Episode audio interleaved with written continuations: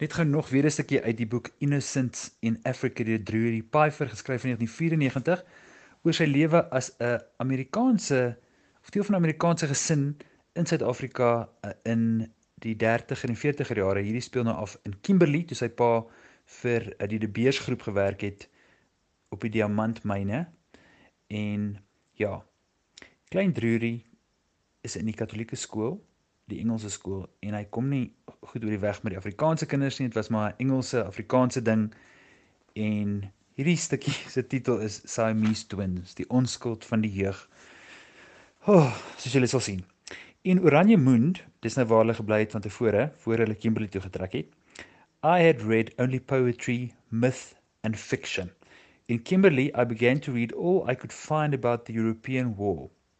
I fell desperately in love with a British Spitfire and knew its Merlin engine better than the multiplication tables. My father shoveled scientific books my way. Among my favorite was one that detailed nature's worst mistakes. Especially fascinating was the case of Siamese twins, two individual creatures forever bound together. It seemed to me that nature had collided with the Greek myth. I had no sooner learned that such a thing existed than I was privileged to observe a pair of Siamese twins with my, with my own eyes. Walking home from school one evening, I was astounded to see the freakish thing appear on a dusty lot in front of Japie Hendricks's corrugated metal fence. I could hardly believe my good luck. In this case, the twins were dogs, understandably unhappy. They clearly wished I would go away. Strangest of all, the twin being the twin behind was much larger than the twin in front, much larger, and they even seemed to be belong to different mongrel strains. I made quite a fuss. This was, after all, of some scientific importance, this freak of nature right in front of the Hendricks's house. Japie was skulking about in clear view. The pedagogue in me took over, and I, I ran over and insisted he come and see the dogs. I felt it was too significant a discovery to let silly national differences stop him from joining me. I even hoped the thing might bring us closer together. I explained in rapid fire Afrikaans that he was unlikely to see such a thing more than once in a lifetime. I even took him by the arm and tried to move him toward the dogs. He gave me a very hard push, so I gave up on the poor clod and returned to examine the dogs at closer quarters, squatting in the dust beside them.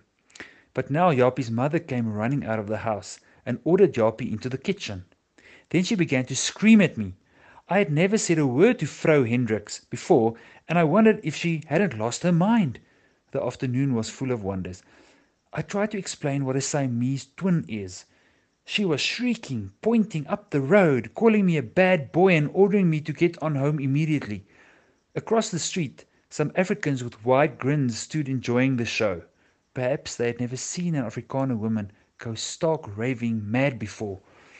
I have no memory of who enlightened me, whether it was my parents or some dim realization of my own that fornicating dogs sometimes get stuck together.